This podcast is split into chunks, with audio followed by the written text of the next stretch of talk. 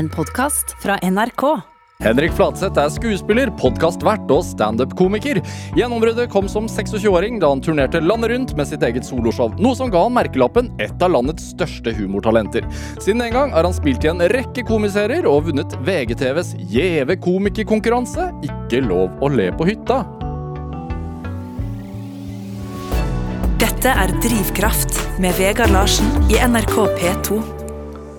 Henrik Fladseth, velkommen til Drivkraft. Hei, Vegard. Og hei til deg der hjemme, som jeg liker å si. Ja, Så hyggelig. ja da. ja da. Ja. Hvordan går det? Det går kjempefint. Ja. Det går kjempefint. Jeg eh, eh, har jo fått et eh, barn. Ja. Det er jo en endring, selvfølgelig. Men det er altså veldig, veldig hyggelige greier. Skal på babysvømming etterpå. Oi, Så sånne ting. Ja, det, det, det er det er bra. Når jeg finner meg selv i det bassenget der, så Jeg har vært på det en gang før, så, så merker jeg at det, her har det skjedd endringer. Ja, hva, hva, hva tenkte du første gang? På babysvømming? Ja. Nei, bare at det er, eh, det, at det er sjuke greier. Da, da, når man tar de ut i felten, når man ikke er hjemme, så blir det litt mer virkelig, på en måte. Jeg var også på babysvømming. Eh, det jeg, som slo meg, var at jeg var den eneste mannen eh, sammen med ja, hva var det, 14 damer. Ja. Er det sånn nå? Nei, Det var noe, det var overvekt av damer der, ja. Ja. Men Det, var, eh, det var noen menn der òg. Ja. Føler du at du bonder ekstra? Med ungen, ja. Ja. det, jeg syns det var kjempehyggelig den første gangen jeg gjorde det. Uh, så det, det gleder jeg meg til å gjøre igjen. Det, han digga det jo. Han var jo helt i hundre. Ja. Så det var stort. Ja. er det Hva overrasket deg mest om deg selv etter at du fikk unge? At jeg uh, uh, var litt mer voksen enn jeg kanskje trodde. Hva vil det si? Nei, jeg, jeg har levd et liv som er Jeg er standup-komiker og har surra mye, altså. Jeg har uh, ikke tatt noe seriøst i det hele tatt. og så kom det litt Eller ja, kom litt brått på. Plutselig så skulle man bli pappa, og så kommer han, og så bare ser jeg litt på meg selv i speilet og bare ja, du, er, du er jo 33 nå, du har et barn, du er, du er voksen. Og, så det Jeg trodde ikke jeg var så voksen ennå. Men så jeg blitt Ja, ser meg selv litt annerledes på det, den fronten. da Ja. mm. Hva, hvilke prosesser setter dere i gang? Setter i gang mindre fylla. Heldigvis, må man si. Det, det er det mindre av nå, og det er bra. Jeg, eh, jeg har jeg, jeg har ikke vært noe voldsomt fyllersvin, men det er jo litt sånn i det miljøet har vært en del festing og moro. Ja. Og så har det blitt betydelig mindre av i hvert fall de der voldsomme sjø, sjøslagene.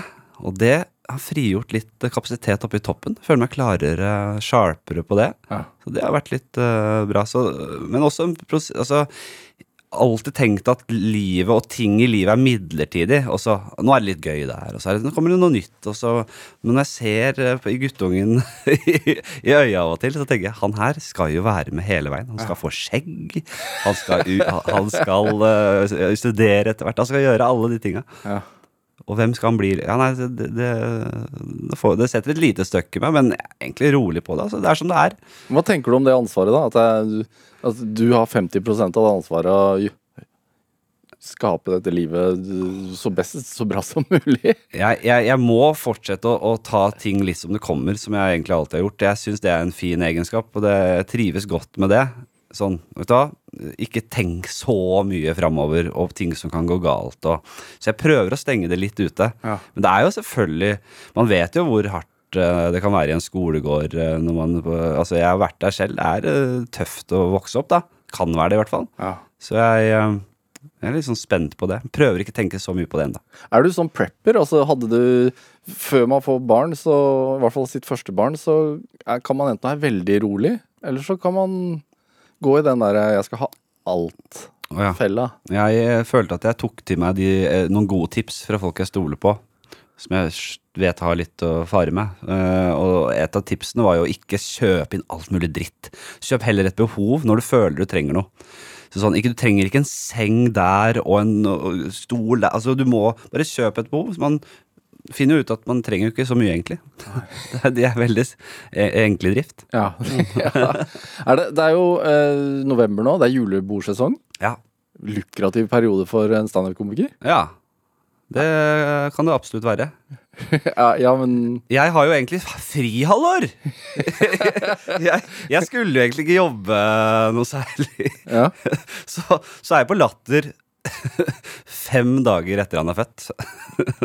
Nei, men da hadde jeg, Han kom litt sent, og så hadde jeg tenkt at en liten tur bare for å holde Nå hadde jeg hatt en lang sommer uten noe standup, og man må holde verktøyet sitt i slipt, ikke sant? Hvor viktig er det? Det er viktig. Eh, Men ikke Må ikke gjøre det. Men det er, jeg syns det er fint å av og til komme seg på scenen her, da. Eh, Så at han skulle bli født såpass på overtid, eh, og at den, den kom fort, den eh, jobben på Latter. Eh, Men da ble det ungemateriale og Ja, det, og kjørte det på det. det. Kom rett fra levra, vet du. Ja. Det blir fort det, ja. Ja. Jeg, jeg hadde jo egentlig sagt at jeg ikke skulle gå så mye, snakke så mye om unger og sånn. Jeg, jeg syns det er litt kjedelig ofte. Men så gjør jeg det hele tida. Det er som forfattere, det er som forfattere som får barn og skriver barnebøker. Ja, nettopp. Ja. Nei, eh, men det er veldig Hva fint. tar du tak i da? Ja, jeg tar tak i eh, Dette her kommer på Latter Live, faktisk, eh, etter hvert. Ja. En ganske lang greie om, om det å ha totalt noia fordi de er så skjøre. Jeg snakker om dette hølet de har i kraniet, som jeg syns er helt sinnssykt. Jeg snakker om de elendige nakkene de har. For det, det er sånn hele kroppen er jo helt gelé. Sånn, du kan gjøre hva du vil med den kroppen, men eh, nakken er, den må passes på. Jeg har så noia for den nakken opp igjennom. Ja. Så den derre De er jo ikke ferdig Nei, når de ikke kommer ferdig. ut. De er langt fra ferdig. Så de skjøre greiene der. Så prøver jeg å dra det litt uh, ut. Jeg, jeg pirker jo borti jeg, jeg, jeg, jeg er jo ikke meg selv oppå der. Jeg, sier ting som er liksom på kanten for, øh, for å provosere litt, eller for å skape litt sånn sjokkeffekt oppå der. Uh, må gjøre det, ellers så blir det litt kjedelig. Man må kunne uh, jeg, starter vel med å si at uh, ett, og det har jeg tenkt på mye, men bare sånn ett mist, og de er ferdige. ett mist, og de er ferdige. Og så er det eh, Nei, jeg, jeg vet ikke, jeg bare babler rundt det der, rett og slett. Jeg skal ikke drive og ta Det er sånn, når du uh, skal snakke om en standup-bit, så må du enten gjøre den Du kan analysere det på radio. Nei, eller du må enten gjøre den, eller, eh, eller ikke. Ja, ja. Men er det det Er er det den der erfaringen av å se seg selv i speilet og tenke oi, jeg er 33 år og oi, nå er jeg voksen, som gjorde at jeg i hvert fall i Aftenposten kunne lese at du har begynt på diett? Nei, det kom med andre grunner. Jeg, eh, du nevnte en eller annen teaser her i stad. Ja, til eh, Ekko som gikk før oss. Ja, Ja. Ekko før oss. eh, Og at at det var steinalderdiett jeg var på. Og det kan du for så vidt si. Jeg, Jeg tror det ble tatt ut av kontekst. Jeg tror Det var fordi at overskriften der var at jeg føler meg som et steinaldermenneske. ja, jeg ble jo et lite øyeblikk der eh, ansikt utad for fastebevegelsen i Norge. Men det Selvvalgt? eh, jeg, jeg, jeg, jeg, jeg tenkte Aftenposten tenk, Jeg er veldig glad i Aftenposten og tenker at de er ikke så tabloide. Uh, og så er jeg veldig fan av Marit Kolby, som jeg vet har vært her også. Mm -hmm. uh, og hennes forskning. Uh, og dette med fasting og når, du, når og hvor du skal spise osv. Så, videre. så skulle, te- tenkte jeg egentlig at Aftenposten skulle lage en sak om Marit og hennes forskning. Og vil du være med på det? Så sa jeg egentlig bare liksom blindt ja, for det syns jeg er spennende å snakke om. Fasting Ja. og, og det greiene der. Hvorfor det? Og bare vent, la meg snakke nå. og så kommer det Så blåses det opp. og Jeg, jeg, er, jeg er liksom hovedoppslaget der med Og, og, og bildet er liksom sånn jeg, Idet jeg trøkker i meg en brødskive he, i, i, i, Rett ned i nebbet Halv to på ettermiddagen? ja, første måltidet, og, og, og, og, og så tok de ut Følte seg som en steinaldermann og bla, bla, bla. Men det det handler om, hvorfor jeg syns det er interessant, er eh, Og dette gikk sånn litt gradvis, at jeg begynte å lese om uh, forskjell... Det er ikke bare fasting, men hva, hva, hva trening, si isbading også, fasting, sånne stresselementer for kroppen, hva det gjør langt dypt inni deg. Eh, men også sånn med fasting, så Fasting renser jo uh, Altså tarmen renser seg selv og, og, og gjør litt vedlikeholdsarbeid i de faste periodene. Det er liksom den rumlelyden, og dette har sikkert Marit, dek, Marit dekket her, men det eh, at man har Det at det, man har lært at det, hvis du ikke spiser frokost, hvis du ikke spiser hele tiden, så påvirker det blodsukkeret negativt, eh, og du blir slapp av å ikke spise. Eh, Bare etter hvert så skjønte jeg at det, det, det kan Det tror jeg ikke stemmer. Det er ikke logisk. Det føles ikke riktig. Eh, og så jobbet jeg meg fram til en sånn fasterutine. Så fant jeg ut at jeg får masse energi av det. Eh, sover bedre, mindre inflammasjon, eller sånn Kroppen føles sånn bedre, liksom, på alle mulige måter. Ja. og det er masse placebo og surr oppi her også, det vet jeg. Men det føles bra. Og jeg syns det er mye interessant forskning bak. Men det her er jo en total uh, omvending. Du, Ja. du har jo til og med vært med i Burger King-reklame. Det er Mækkern, ja. Mac er det Mækkern? Ja, det er Ja, Ja. Ja, det er helt enig. Og det var også gøy historie for, for øvrig. Jeg, eh, jeg var jo også lut fattig. Eh, og så Ting gikk ikke så bra i karrieren på den tida, egentlig. Jeg søkte veldig etter eh, hva jeg skulle bli. Og så hadde jeg egentlig en personlig boikott av McDonald's. Er det, det, det, de er djevelen. Jeg gidder ikke Mækkern. For fader, de er alt som er galt i verden. Og eh, det klarer jeg å styre unna. Og så kom faktisk Mækkern på bordet med masse penger. Vil du gjøre reklame? Eh, og, så, og da gikk jeg en runde med meg selv. Ok, nå må du enten, ta, enten tar du den eh, jobben og, og, og får betalt regningene dine, eller så må du bare gå helt annen vei. Tar en lagjobb. Gjør noe ordentlig arbeid. Eh, gikk for Mækkern. så jeg har jo jeg, jeg, jeg, Herregud, det er bare å legge ned hele greia. Hvor mange sånne tilbud får man? Nei, det er mange. Ja. Det blir jo det blir en del av uh, sånne kommersielle uh, forespørsler, da. Og det er, det er veldig enkelt å si at man ikke vil gjøre det når man har greit med penger. Når ting går greit. Ja. Eh, nå, nå går ting ganske greit. Eh, men jeg vet det er veldig lett å på en måte eh, si ja til det med, når, når, når, du trenger penger til det. Men jeg syns jo, jo for mye av sånne ting er liksom sånn eh, Hvis du tar masse sånne eh, sponsorting på Instagram og holder på, mm. mister du ikke totalt troverdighet da? Fordi hvis du sier at du bruker et produkt eller spiser et sted, tror folk på det når du tar alt mulig rart, liksom. Eh, da blir du bare en sånn reklameplakat, en levende reklameplakat. Så det, det, ja, det der har jeg sagt helt nei til, i hvert fall på Instagram også nå, da. Er det viktig det. Men er det også en del av en sånn viktigheten av å av identitet i forhold til Jeg, jeg, deg som standup-komiker?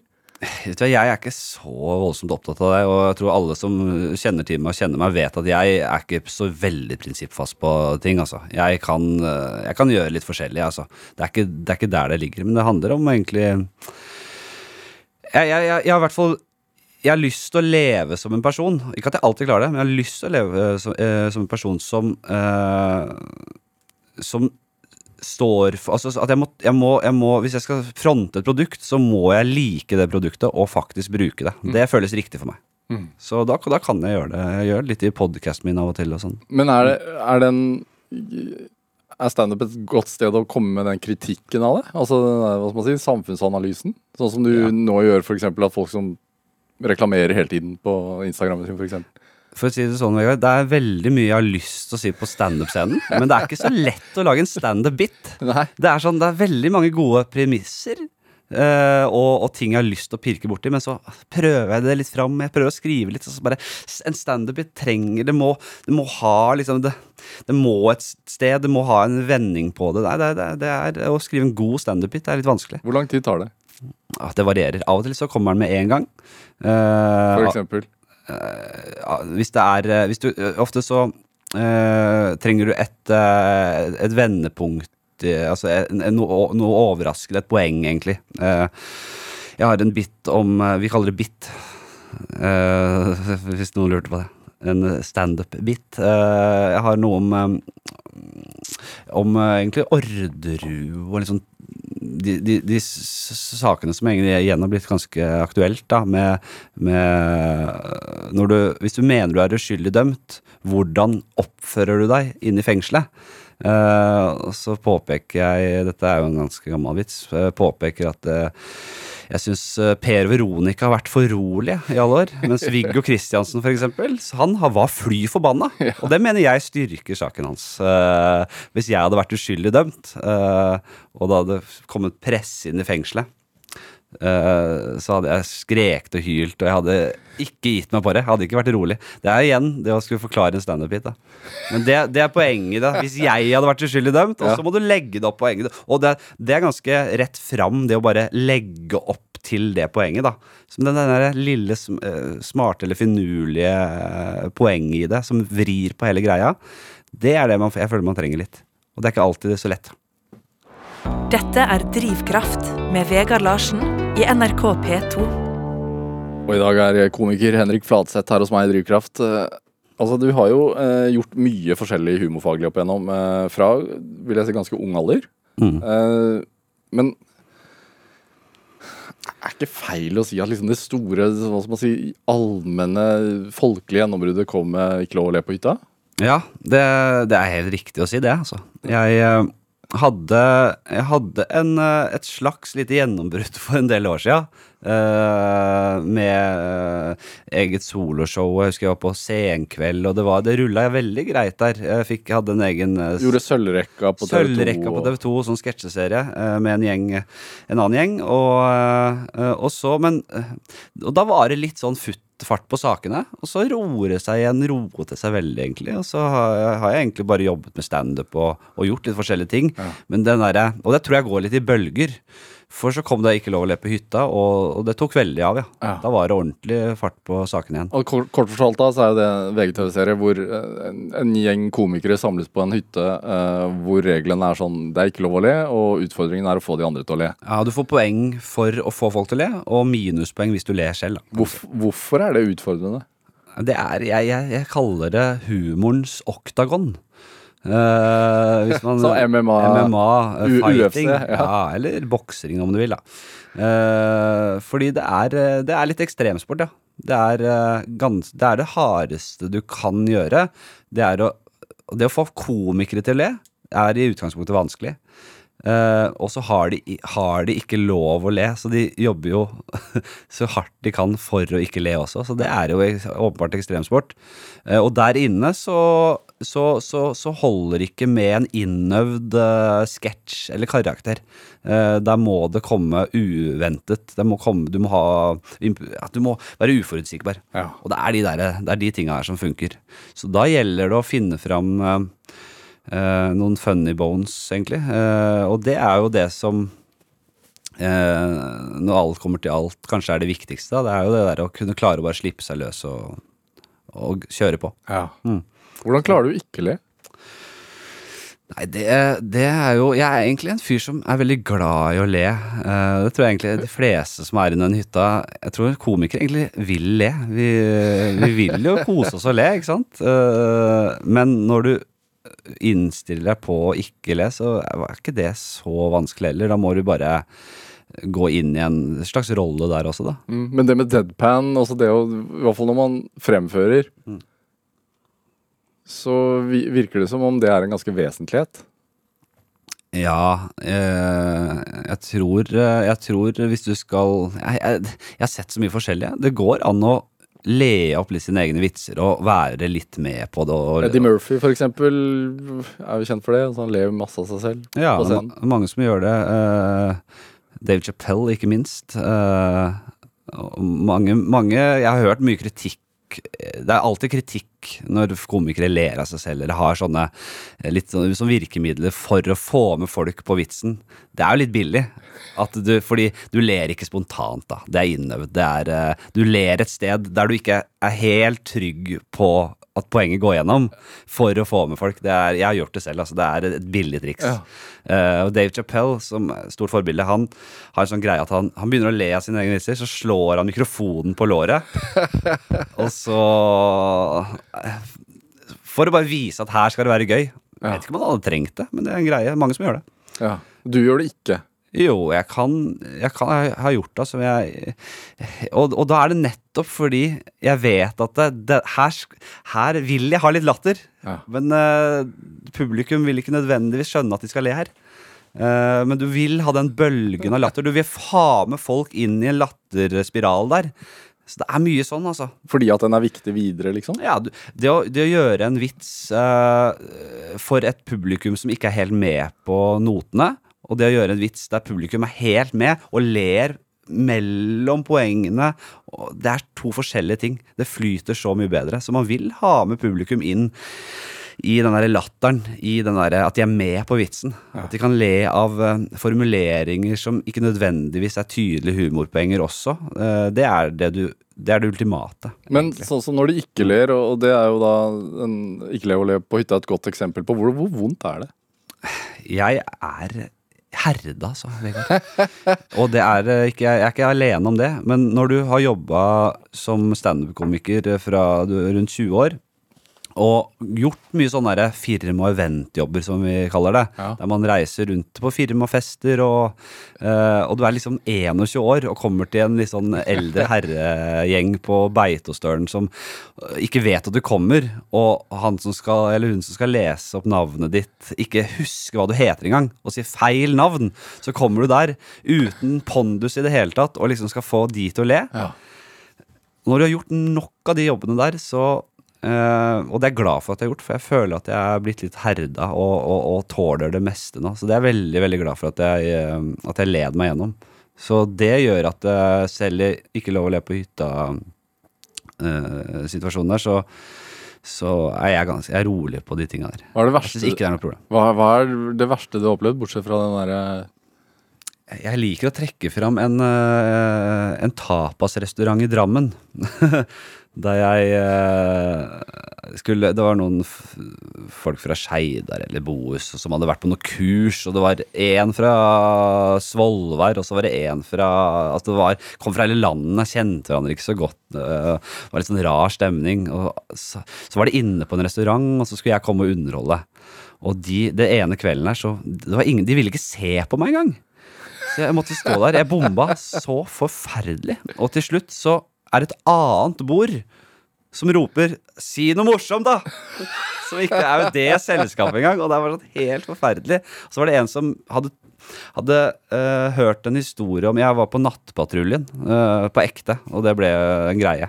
Eh, Nattpatruljen, hva er det? det er et uh, politiprogram på TV Norge Ja. som følger eh, politiet ute på jobb. og så hadde jeg en liten situasjon der. og så, Så du, veldig morsom historie. du var tilfeldig på Nattpatruljen, si sånn? Jeg var som privatperson. og så hadde han fått med seg det, og så liksom når, mens det ikke, når det ikke var noe latter her, så liksom sa han Du, ta den derre Og da føler jeg så liten. Når han skal diktere Du, din klovn, ta den derre når du dreit deg ut på Nattpatruljen, da. Den var gøy.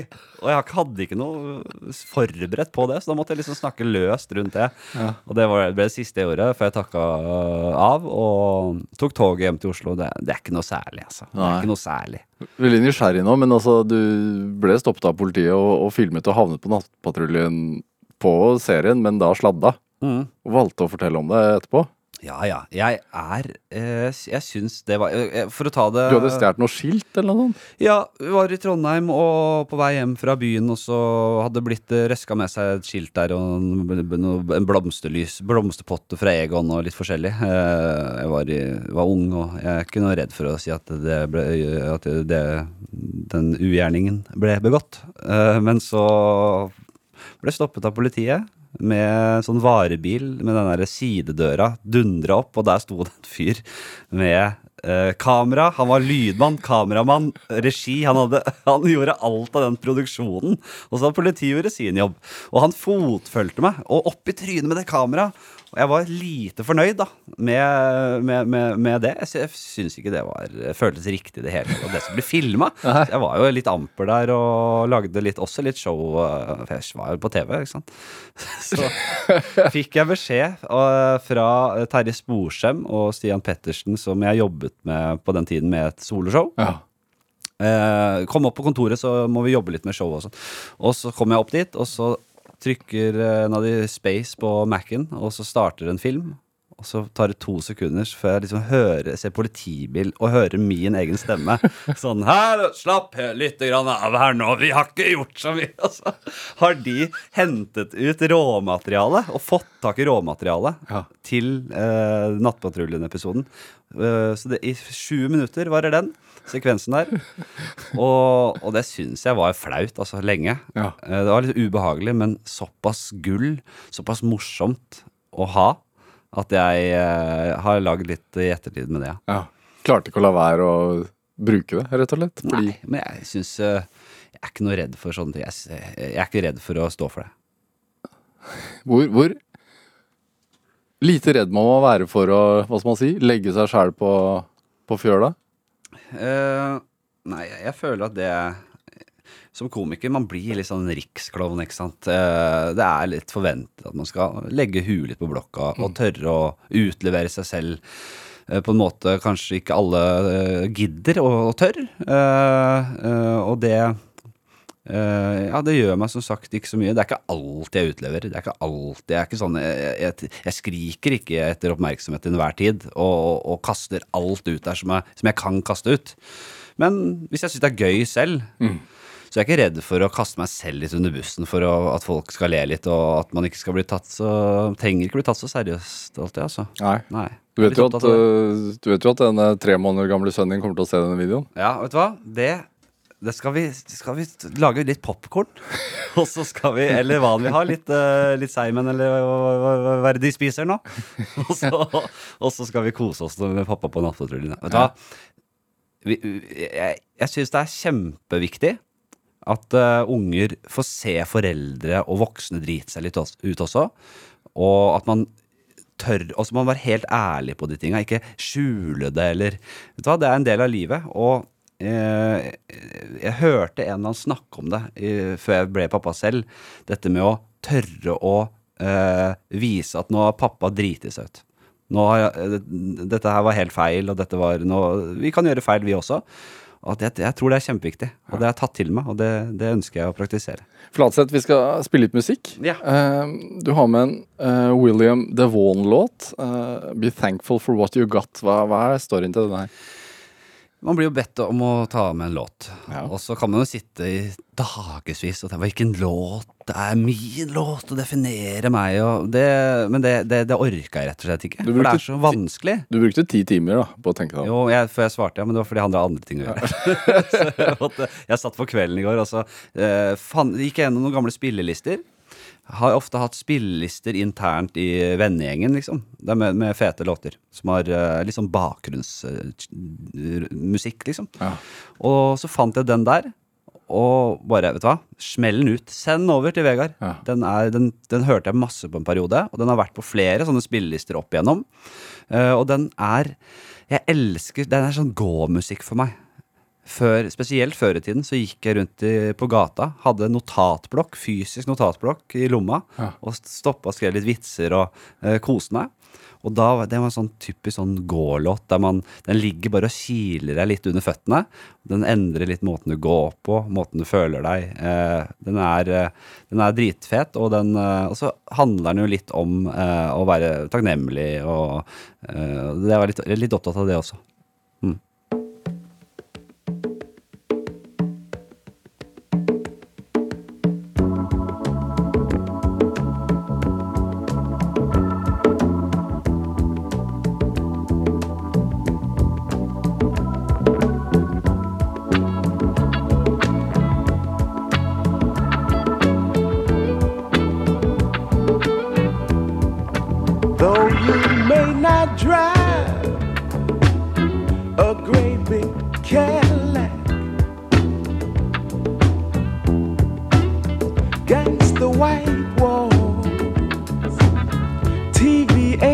in the back.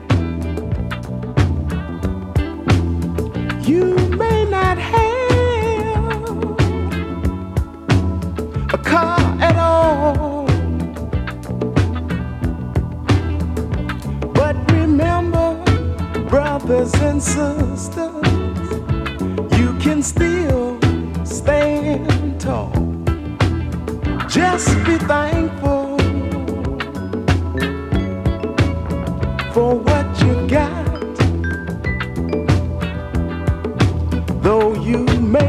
drive a great big Cadillac, diamond in the back, sunroof top, digging the scene with a gangster lean, gangster white walls, TV antennas in the back.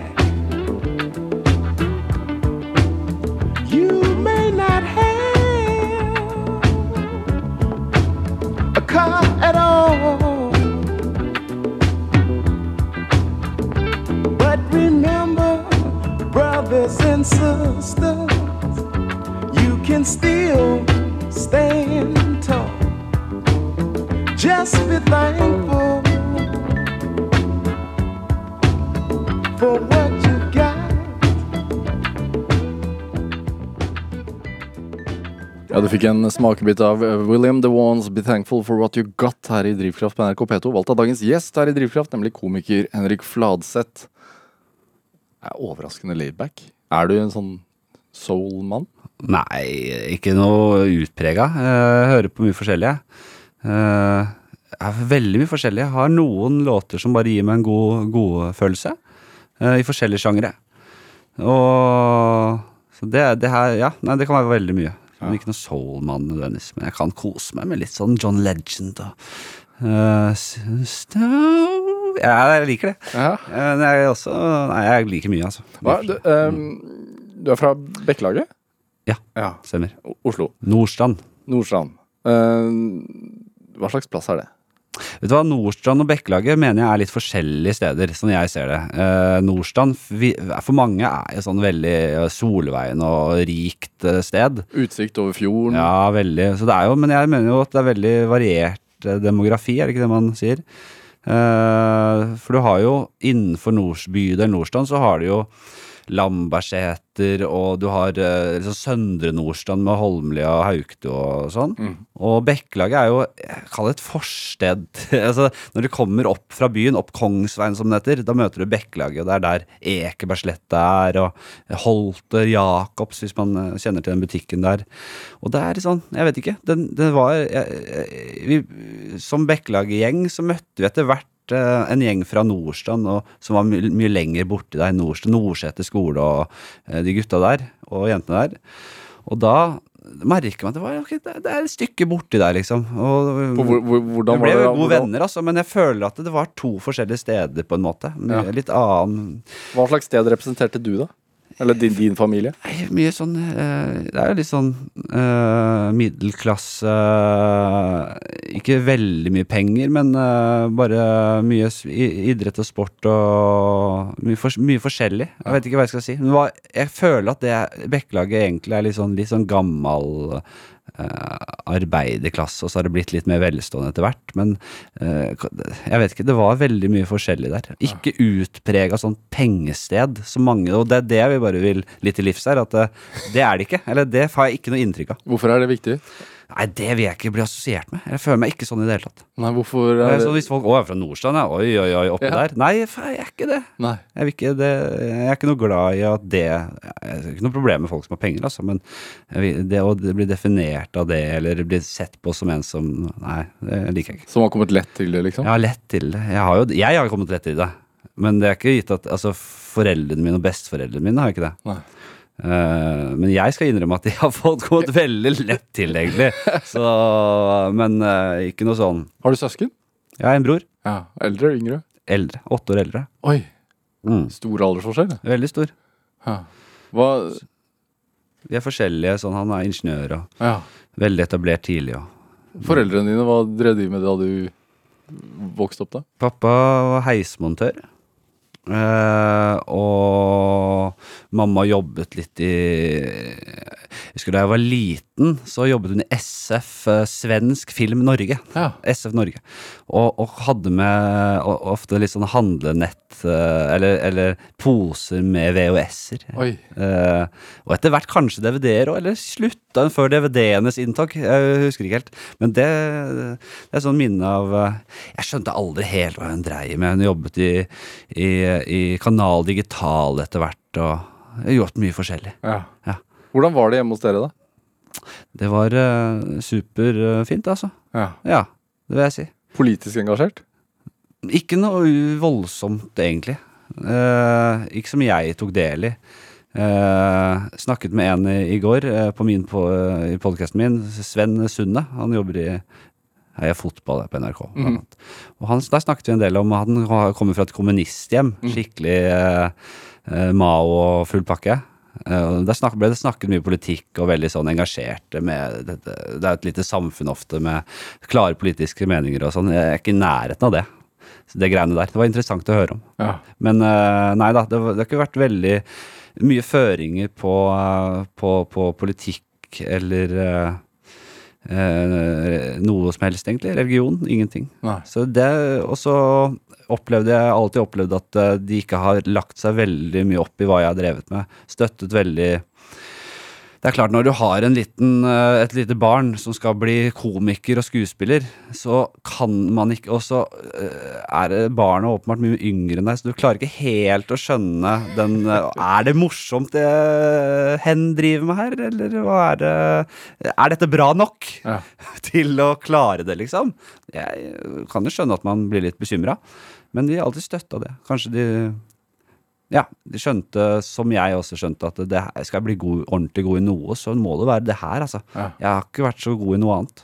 Hæ. Så det er veldig mye støtte derfra. Det, det, det setter jeg veldig pris på. Hva, hva slags Altså, hvordan var du, da? Som pjokk. Ja, som pjokk. Jeg tror jeg var eh, Jeg tror jeg var eh, han morsomme, altså. Ganske fra tidlig alder. Men eh, ja, det var jeg. Helt åpenbart både på skolen og i fotballaget. Og jeg eh, Den som tok ord og kødda mye og Uh, På ungdomsskolen også, så husker jeg når det var arrangementer eller juleforestillinger, eller, så var jeg alltid den, en av de som deltok der, på en eller annen måte. Uh, og, men jeg tror det er veldig det er, Jeg tror ikke man skjønner ikke helt at det går an å leve av det. Eh, kanskje man gjør det litt i større grad nå til dags, fordi det er så utrolig tett på med sosiale medier, og at man skjønner at det er folk der ute, veldig mange, som eh, jobber med og lever av å stikke, ut, eh, stikke trynet sitt fram. Men jeg har tenkt ikke noe særlig på det da jeg satt og så på Team Antonsen og borettslag og, og, og imiterte det i skolegården. Og jeg tror ikke jeg tenkte at jeg skulle leve av det, men Nei. da jeg skulle eh, finne videregående utdannelse, så, så, så kom liksom den dramalinja til meg som en sånn mulighet, da. Og det føltes ut som det eneste riktige. Så husker jeg rådgiveren eh, på skolen var veldig sånn opp, sa at nei, er, du har ikke gode nok karakterer til det. Du bør egentlig bare glemme det der. Og så hadde jeg sånn elektriker og byggfag på andre og tredje valg. Eh, og de som kjenner meg, vet at eh, ja, fy fader, jeg hadde blitt en dårlig elektriker. Altså, jeg hater Jeg kan ikke sitte på huk. Jeg hater å sitte på huk! jeg hater sånn Jeg er ikke noe god på det. Jeg har ikke, jeg er ikke, jeg har ikke, jeg kan, har ikke anlegg til det. Men så hva- viste det seg at det var jo todelt. Det var jo opptaksprøve og karakterer. Ja. Så eh, heldigvis, da. Så jeg leverte eh, en middels fremførelse av Måken eh, Måkene. eh, Odd, Børresen, er det ikke det? Har jeg glemt det? Tsjekhov og Nei, ikke, ikke sjekk om måken. Det var eh, Odd Børre Jeg hater måker. Å, ja. Ja, husker jeg. Eh, Som jeg fant i bokhylla hjemme. Ja. Mamma og pappa er ikke noe teaterfolk, eh, så de, men de fant fram det. Så jeg framførte det, husker jeg. Ja. Og Kom inn. Og, kom inn. og det endret jo hele greia, da. Ja. For da fant, jeg, da fant jeg meg selv ganske tidlig, føler jeg. ja. Da var det teater, og så i andre klasse på videregående så ble det revy, skolerevy, som er stort, veldig stort i egentlig hele Norge, da. Men den skolerevyen er veldig stor i Oslo. Men hvorfor eh, tror du at du tidlig i livet tok liksom en slags klovnerolle? Eller tok, fant ut at du syns Nei, jeg, jeg, jeg, jeg, jeg har ikke hatt det veldig vanskelig, men jeg har ikke hatt det sånn superlett heller. Det var jo, det er, eh, som jeg var inne på i stad, det kan være vanskelig i en skolegård å, å, å passe inn. Ja. Og eh, liksom komme inn i de gjengene man vil være i. Og det, det krever ofte noen verktøy, noen eh, En eller annen fak- X-faktor, et eller annet som eh, er inngangen inn dit. Da. Det, jeg tror alle vil det. Eh, inn og ha venner og bli akseptert og, og Humor er jo For noen så er det bare en sånn ren, pur forsvarsmekanisme. Der du bare er en eller annen klovn, og det, og det er nesten litt sånn alvorlig, vet du. Fordi du har bare blitt det sånn Det har blitt en sånn veldig tydelig forsvarsmekanisme. Men uh, ofte så er det også en mellomting der. Trenger ikke å være så alvorlig, men bare sånn herre Ok, det var min, mitt verktøy for å bli akseptert eller likt, da. Eh, og, og når man finner ut at det funker, så fortsetter man jo med det. Så forster, det er selvforsterkende. Ja, Du sa jo helt i starten her at du syntes det var tøft i skolegården. Nei, tidvis. Det er en jungel. Faen meg, det er jo Det er ikke alle det er, Ja, selv om Jeg skal ikke sitte og si at jeg har hatt det kjempevanskelig, men tidvis så har det vært litt utfordrende. Men er det Mm. det da at du merker at ok, det funker, det her, det, det, det, folk ler, det er bra, det, det gir en god følelse. Selvfølgelig. Eh, begynte du da tidlig å jobbe med det? Altså sånn å tenke gjennom sånn ok. Jeg tror ikke jeg var så bevisst som jeg sitter og later som jeg er nå, altså. Jeg, bare, Nei, bare, men hvis det du- skjedde. Se på ut i vår hage og tenker at ja, i morgen så skal jeg, Ja, skal jeg dra kamelåset i skolegården. Ja, men jeg var liksom. ikke den eneste som dreiv og gjorde litt sånn Pirka-parodier og, og, og Hva het han vaktmesteren, da? Narvestad. Tenk hvor dårlig de parodiene var, da. Tenk hvor dårlig det var, da. Det var så svakt, det. Men uh, det drev man med, da. Og jeg, nei, så det det kom bare naturlig. det. Jeg fikk litt respons på det en gang i tida. Kanskje man kan, Hvis man kunne spole tilbake tiden, eller bare sett det øyeblikket da jeg skjønte det. Ja. Det har vært spennende. Men jeg husker ikke Det er mange som husker det konkrete øyeblikket, men det gjør jeg, jeg gjør ikke det. Men for deg da, altså sånn at uh, ja, du var ikke den eneste som, som parodierte disse her i skolegården og, og prøvde å hevde seg med det, og så gikk det da kanskje ti år, da. Og så dro du på turné med disse folka. Det er faen meg godt poeng, ja. Det, det, det, jeg, det tenkte jeg også på. Da hadde jeg jo allerede jobbet uh, som komiker en liten stund og var liksom litt inne i miljøet, men ikke inne i det miljøet. Det er ikke sånn at jeg Jeg tok ikke en kaffe med, med, med Antonsen eh, og var helt inne med det, det, det var jo veldig stort, selvfølgelig. Ja. Jeg, var jo, ble henta inn på den turneen som eh, den talentfulle up and coming komiker, up and coming. Ja, fordi Gjertsen og Antonsen og, og, og Stoltenberg og, Bård Tufte. og Bård Tufte. Du reiste på turné med de sånn 26-åring. Ja. Ja, det var, eh, det var Feelgoods humorgalla, og det har vært en årlig greie. Eh, og den, det året mener jeg det var et spesielt bra gjeng, altså. Kjempeflinke folk. Og så var det jo ganske spesielt at det var jo ja, nesten alle de jeg så mest opp til, da.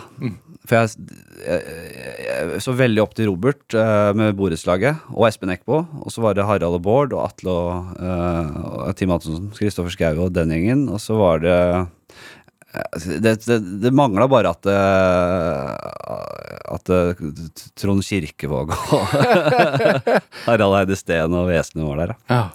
Men det, nei, det føltes stort, ja. Er det, det, det Du fortalte om han rådgiveren som sa at ja, ja, bli elektriker. Mm, ta det safe. Hvordan forholder du deg til sånne utfordringer? Uh, hvordan Å å ja. Uh, nei jeg, jeg, jeg, er ikke sånn voldsomt konkurranse. Jeg, jeg, skal vi inn på drivkraften, da? Nei, det kan vi godt. Det, det er du som bestemmer praten her. Hva slags utfordringer da, tenker du? Jeg er Nei, altså, jo, jeg er veldig, Hvis jeg først skal gjøre noe, så liker jeg å ha muligheten til å vinne. Ja. Jeg blir veldig fort demotivert hvis jeg ikke kan bli god i noe, eller kan hevde meg i noe. Hvis jeg merker at dette her er ikke Ok, du, hvis, du, hvis jeg skal være med i en mattekonkurranse, så er det bare å glemme det. Da, det, det. Du får ikke noe fra meg, fordi det vet jeg at jeg kommer til å mislykkes i. Ja. Det er, det er ikke meg. Jeg, jeg Men hvorfor var ikke skolen noe for deg? Nei, men realfag altså, jeg, Matte Jeg har traumer fra sånne Hvis jeg skal plutselig levere i hoderegning, da. Jeg spiller dart med kompiser. Eh, Vi har blitt veldig aktive. de, elsker det. Jeg skal spille i dag. Skal jeg spille dart Hvor? Eh, Hos en kompis. Ja, hjem, ja. Vi har dartliga. Eh, og, og kaller oss litt ironisk Oslo Dart Elite. Og vi har, eh, vi har liksom, syns, eh, generator for hvilke, hvem som skal møtes når, og Excel-ark der vi fører liksom, poeng og alt mulig. Ja. Og, eh, og da Og så psyker vi hverandre ut, da. Det er jo et mentalt game. eh, og da vet folk Jeg er, jeg er ganske god, jeg også, men de vet en svakhet med meg er at jeg ikke kan hoderegning under press. Og da Petter spesielt. Uh, han er jævla god på sykmøte på det, og begynner å Så jeg, jeg For da jeg, kan, uh, jeg sliter med å å samle tanken rundt tall hvis hvis jeg ikke kan ta meg litt tid. Så tre ganger 19 og sånn, du bare ok, da, Ja, nei, da, da begynner jeg å de sier 25 poeng, og du er ok? jeg, jeg har begynt å liksom bare være ganske hard på ta, Kan ikke du regne ut det for meg? Hvis jeg, er på lag, hvis jeg er på lag med noen, som vi også gjør, så er det jo veldig greit. Da, Men, da, men det med, med drivkraft, eller målrettethet, fordi at du, du, du kom deg jo inn på dramalinje og, og gikk der, men, men du bestemte deg ganske tidlig for at du ville satse på komikk. Altså du, i, det som er liksom vanlig i hermetegn, er jo det at øh, komikere skriver sitt eget soloshow etter at karrieren er liksom på stell, og de har skapt seg et stort navn, og da reiser de rundt i landet. Mm. Men du gjorde dette veldig tidlig.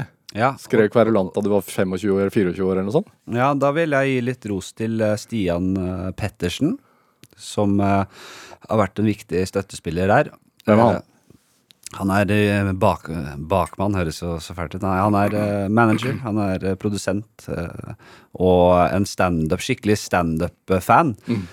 så han jobbet eh, Han har jobbet liksom eh, Han har drevet klubbscenen på Latter før. Han eh, har jobbet, eh, satt, eh, jobbet tett på Dag Sørås og mange andre. eh, og Terje Sporsem, Nils Ingar Odne, eh, og gjort eh, Men han, har også kjen, han kjenner Han har vært rundt i verden, sett standup. eh, eh, er veldig glad i standup og veldig flink fyr. Eh, og han pusha meg på det soloshowet. Ja. Hopp i det. Og det er veldig Det tror jeg ikke hadde gjort hvis jeg ikke fikk det lille pushet. Men det var eh, Når du sier skrevet, så Det er liksom misvis. I standup så har man ofte jobbet med materiale over tid, og så setter man sammen det som er best. Og så eh, jeg har aldri vært, og kommer nok aldri til å bli, en sånn rød tråd-komiker. Med sånn tittel på showet som heter eh, Heter et eller annet, og så må du, må du oppfylle noen krav til hva det skal være og sånn. Jeg, jeg er veldig fan av bare ha masse forskjellig gøy, jeg. Ja.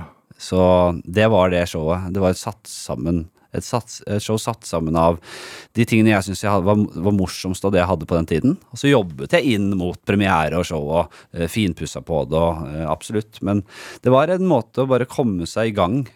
Eh, tidlig skjønne hva eh, det timesformatet er. Det er veldig stor forskjell på å gjøre et kvarter standup og gjøre en time. Så det Nå har jeg ikke gjort det siden, da, men eh, jeg vet hva det dreier seg om. Ja. Og jeg eh, Det er nok noe kanskje rundt eh, Det nærmer seg nok et nytt show, ja.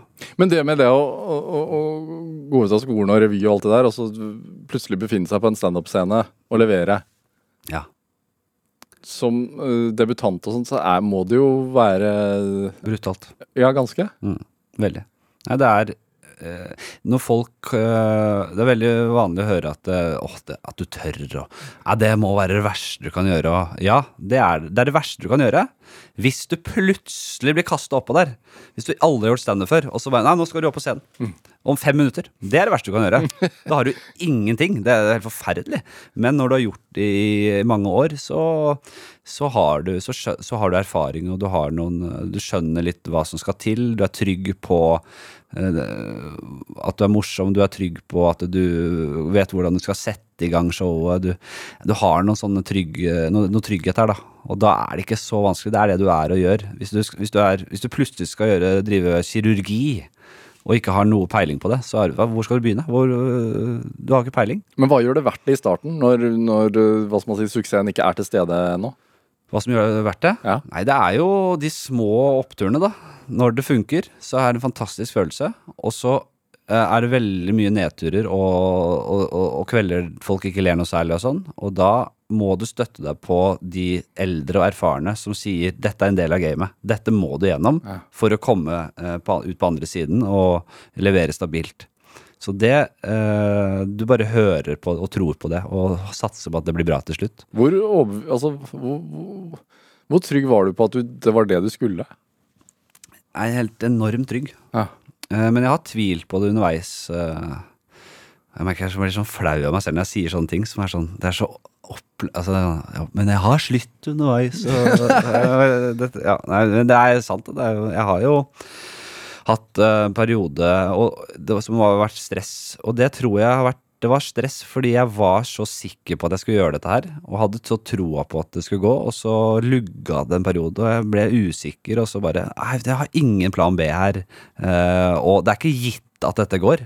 Det, og så begynte jeg å få litt mørke tanker, og det er krise når du driver med humor. Du må ha overskudd og være glad, og glad i deg selv, og, eh, for å kunne være lykkelig i det. Og, og det har jeg alltid tenkt på at uh, hvis jeg ikke kan være lykkelig i det og komfortabel i det, så kommer det ikke til å ha, til å ha noe verdi. Eh, eh, så det, det, det å eksempel være veldig redd for å gå på scenen, da. Som folk er etter, etter 30 år i bransjen, så er de redde for å gå ut på scenen og pisse på seg fordi de er så redde. Og da tenkte jeg, jeg tenkte sånn, det må, det må lukes ut så fort som bare det. Det kan jeg ikke ha, det gidder jeg ikke. Det må være et overskudd og, og bare at du godfølelse med det. Så jeg jeg husker jeg drev og lurte huet mitt til å bare bli en som er komfortabel med å gå ut på scenen. Jeg husker jeg sa til meg selv, og det høres litt dumt ut, men jeg husker jeg sa til meg selv sånn herre Ok, det er noia, det er stress å gå ut på den scenen her, men er det én som klarer det, så er det Henrik. Liksom, sånn drev jeg og sa. Lagde meg sånn bilde av at det, dette har du kontroll på. Så kom det også en sånn overdreven scene, selvtillit på scenen av det, kanskje. Bygde en sånn derre Jeg tenkte fader, det er mye vanskeligere å gå ut på der. Eh, jeg jobber på letteste vanskelighetsgrad, kan jeg si. For jeg går ut med sånn, sånn falsk selvtillit og måker på og skriker litt og Hei! Og det er, det er mye lettere enn å gå ut som en lavmælt uh, karakter ut på scenen. Ja. Uh, men, så det er mye vanskeligere. Mye mer kred til de som gjør det, egentlig. Det, uh, du har jo en Du liker mørk humor, Ja, syns jeg. ja, ja. Hvorfor det? Hva, hva er mørk humor? Nei, man blir jo også yrkesskada, vet du. Det er jo Hvis man graver litt i forskjellige humormiljøer opp igjennom, så uh, se på USA, da, med The Aristocrats. Den, øh, den, den der humorbevegelsen som var sånn uh, øh, Som ingen egentlig Det var litt sånn hemmelig greie. Der det var om å gjøre å fortelle en, en, en historie om en familie på mest mulig makabert vis, da. Med det drøyeste av det drøyeste. Og det skulle ikke ut noe steder. Så da Og man blir litt sånn eh, herda av man, Jeg ler jo ikke av så mye etter hvert når man driver med humor. Sånn innad så er det jo veldig mørk humor, og det man føler er gøy, det, som, det er som dop, litt som dop, da. Man Ja. må ha det sterkere og sterkere, kanskje.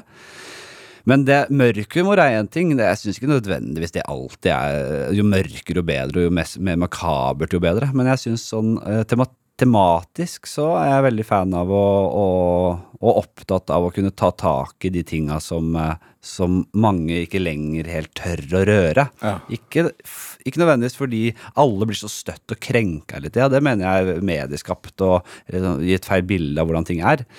Men det er noe som er sånn såpass sårt og såpass vanskelig at det i stedet for å prøve å mislykkes, så rører man ikke i det hele tatt. Og så blir publikum og alle litt sånn rare hvis man bare nevner et ord.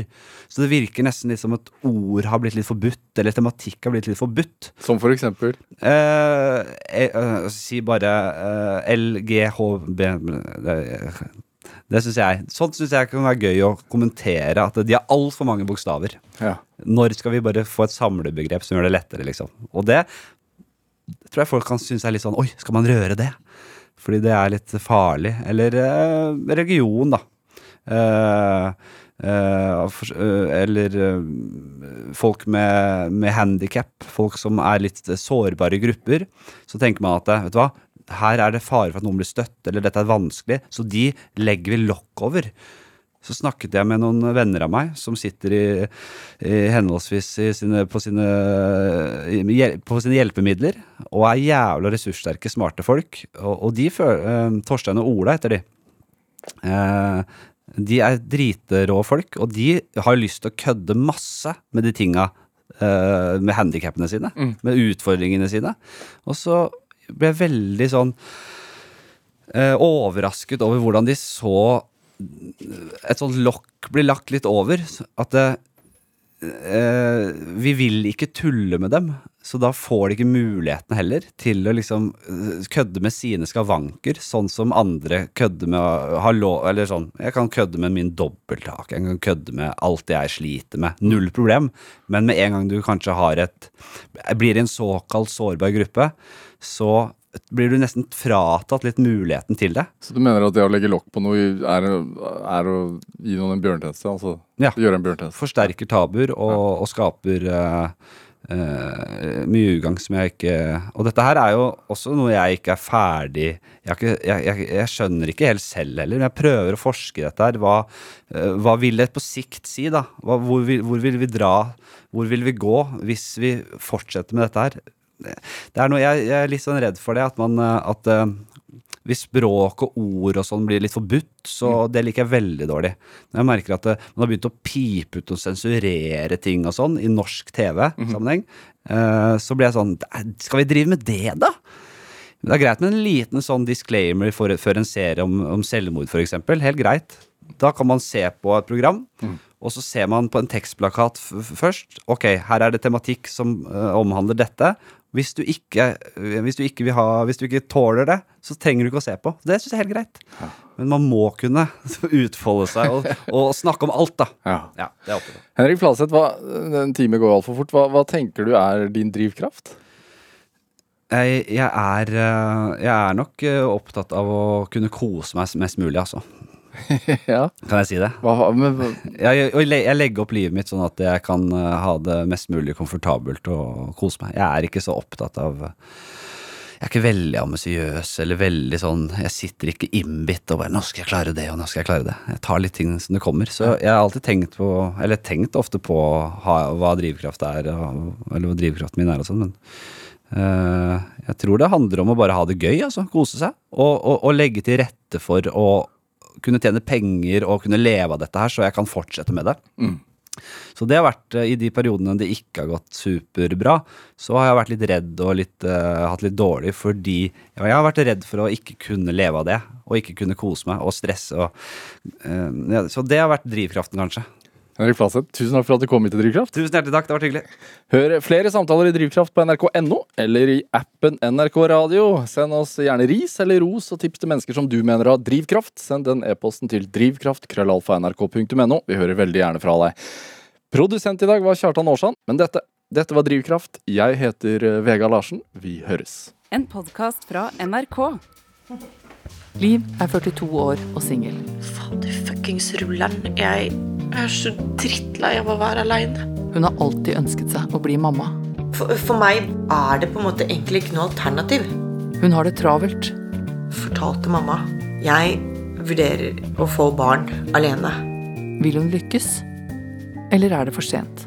Det er jo utrolig stas å dele at man er gravid. Men hvis det da skulle gå gærent, liksom Livs siste sjanse hører du først i appen NRK Radio.